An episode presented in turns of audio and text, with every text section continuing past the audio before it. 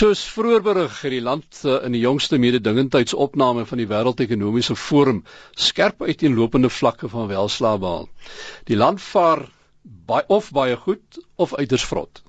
Die goeie nuus, die land is volgens die opname die heel beste wat die regulering van sy aandele en ander sekuriteitsbeurse betref. Nommer 1. Hy is ook eerste wat die gehalte van sy auditering en verslagtoening betref. Eerste wat die doeltreffendheid van sy korporatiewe direksies betref. Eerste wat die wetlike regte indeks betref. Tweede wat die veiligheid van sy banke betref. Tweede en derde wat 'n rits ander finansiële maatstawwe betref. Maar dan 140ste met die gehalte van sy onderwysstelsel. 143ste met die gehalte van sy wiskunde en wetenskap onderwys. Dis nou uit 144, né? 132ste met die gehalte van primêre onderwys. Nou vanoggend praat ons in die ateljee met professor Sarkie Gravett van die Universiteit van Johannesburg se departement opvoedkunde. En uh môre Sarkie, welkom. Goeiemôre, dankie. Nou op die oog af is dit 'n verdoemende verslag en reg ook. Maar ek dink kom ons kyk net eers na onderskeid wat 'n mens hier moet tref en laat ons eerlik wees want ek kry altyd die indruk dat baie van ons probleme word nie opgelos nie omdat ons nie eerlik is daaroor en sê dit is eintlik waar die probleem lê nie. Wanneer dit kom by die onderwysstelsel. Ons het tog baie goeie skole ook. Hmm. Ja, ongelukkig hierdie tipe verslae en ook verslaglewering oor hierdie tipe verslae is nie genuanceerd nie. Uh so ons daar word 'n algemene stelling gemaak oor die oor oor onderwys in die land. Ja, en dit is nie 'n 'n positiewe beeld wat wat ons het nie. Maar ons moet ook verstaan dat ons in die land 'n uh, verskeidenheid van skole het in die onderwys en daar is 'n groot hoeveelheid baie baie goeie skole. En ja, dan is daar 'n groot hoeveelheid skole wat baie sukkel. So mens moet ook daardie onderskeid tref. Ek sê dikwels as iemand wat met onderwysers werk, ek kry die goeie onderwysers in hierdie land so jammer, want al wat daar oor gepraat word is hoe sleg die onderwys is. Kom ons kyk dan ook na die want daar's nou 'n klompie goed wat hier gemeet is en hulle praat van primêre onderwys, hulle praat van wiskunde en wetenskap. Ons weet ons het 'n probleem met wiskunde en wetenskap, maar weer eens in sekere skole beter as ander skole. Hoewel ons tog ook met die goeie skole het ons 'n tekort aan aan kundiges. Hmm. Daar is ook 'n koppeling tussen die feit dat ons nie goed doen in primêre onderwys en dat ons nie goed doen in uh wiskunde en wetenskap nie. Hmm. Uh as jy nie 'n baie goeie basis het in terme van numeriese ontwikkeling taalontwikkeling want taal het net soveel te doen met wiskunde en wetenskap uh, en ons moet dit ook in ag neem. En as dit nie baie goed gedoen word in die beginjare van die skool nie, dan het 'n mens die probleem hmm. dat jou wiskunde en wetenskap later 'n uh, uh, problematies is. So dit is iets wat ons in ag moet neem. As ons die onderwys wil verbeter in hierdie land en daar is pogings tans, moet die begin wees met die vroeë jare van onderwys. Dit in die eerste plek. En in die tweede plek, ja, daar is definitief 'n groot probleem in die land met goeie wiskunde en wetenskap onderwysers. Uh daar ons het nie genoeg kundigheid nie en in baie baie van die skole is die uh, onderwysers wat wiskunde en wetenskap gee nooit geskool in wiskunde en wetenskap nie. Maar ek wil net vir 'n oomblik stil staan by hoe belangrik dit is dat 'n mens 'n goeie skoolstelsel moet hê goeie opvoeding moet hê want dit slaan deur hierso as ons gaan kyk ons lê ook 122ste in die wêreld wat die beskikbaarheid van wetenskaplikes en ingenieurs betref dis 'n regstreekse uitvloeiing van, van waarvan ons nou net gepraat het nê uh, maar ook selfs goed soos lewensverwagting uh, 133ste uit 144 lande. Mm. Nou ons weet HIV vigs is deel daarvan. Mm. Maar baie van hierdie goed kan ook teruggetrek word na die feit dat mense nie voldoende opgelei is nie. Hulle het nie ordentlike werk as gevolg daarvan nie. So dit kom ja. alles terug na onderwys toe. Absoluut. En ook wat mense in ag moet neem is die onderwysvlak van jou vrouens in die land. Uh daar is ook uh baie bewyse daarvan hoe hoër jou onderwysvlak van vrouens van baie van die meeste van hulle is die die wat na die kinders hmm. kyk wat die uh, primêre opvoeders dikwels in die in die uh, huis is. En hoor hulle onderwysvlak hoe beter al hierdie ander aspekte waarna jy verwys het. So ja dit is absoluut deurslaggewend vir baie baie dinge dat mense 'n goeie onderwysstelsel moet hê. Maar is dit nou as ons nou by by vroue kom is dit nie maar ook so nog dat daar's baie gemeenskappe soms ook waar mense die minste sou verwag waar daar minder belangrikheid geheg word aan die opvoeding van 'n meisie, die dogter in die huis as aan 'n seun. O, absoluut. Wat ons wel reg gekry het in hierdie land is daar is nou baie baie meer uh meisies wat skool gaan. So dis iets wat wat 'n positiewe ontwikkeling is in die land. Maar jy's absoluut reg in baie gemeenskappe is dit nog steeds dat die seun is die een wat die wat uh bevoordeel word in terme van as daar geld beskikbaar gestel moet word, dan is dit die seun wat moet gaan leer. En die gedagte is nog steeds dat die dat die ehm um, uh, meisie gaan in elk geval by die huis bly en kinders grootmaak. So hoekom moet ons in haar belê? 'n verst, verstommende houding eintlik in hierdie dag en tyd nê nee, met al die ehm um, aktivisme wat daar is om die vroue op te hef in die land en so aan en ons die, hierdie ding het nog nie deurgedring na baie mense toe. Ja. Wat wel positief is as jy gaan begin kyk na die uh hoeveelheid meisies wat universiteit toe gaan. Hmm.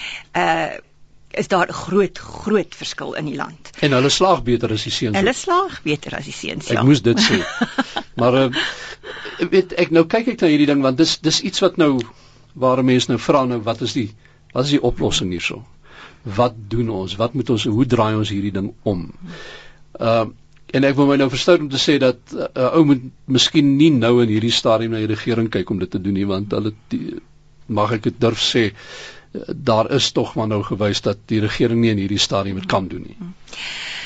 Ja, dit is 'n baie komplekse uh vraag met geen maklike antwoord nie.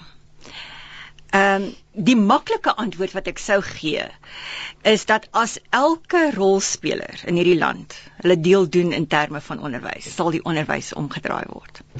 En daar's baie rolspelers. Jy is heeltemal reg, ons kan nie net na die regering kyk nie, maar hulle het ook 'n rol om te speel. Ek was gisterand uh, by 'n gesprek gewees waar van die unies betrokke was. En dit was 'n baie interessante gesprek. Ehm uh, anders as wat mense sou verwag uh, of wat baie van ons die idee het dat die unies baie keer net 'n destruktiewe rol speel. Dit is nie die geval nie, maar laat ek terugkom by my antwoord. Uh die ouers het 'n rol om te speel. Hoe goed word die kind in die huis voorberei vir die skool? Hoe goed ondersteun die ouer die skool?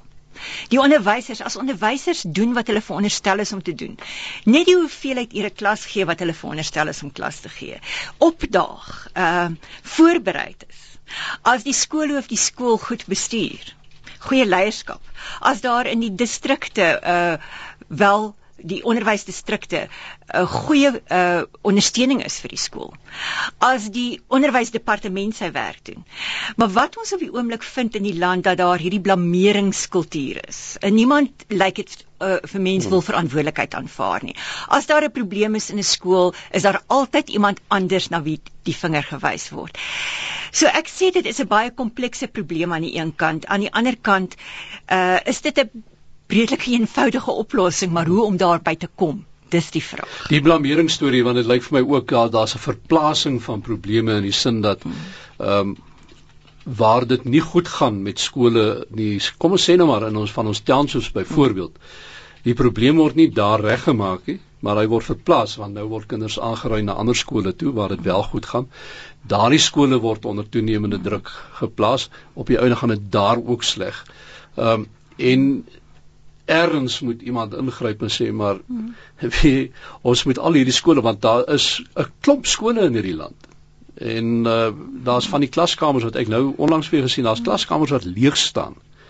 Maar dis skole wat nie reggemaak word nie. Hmm.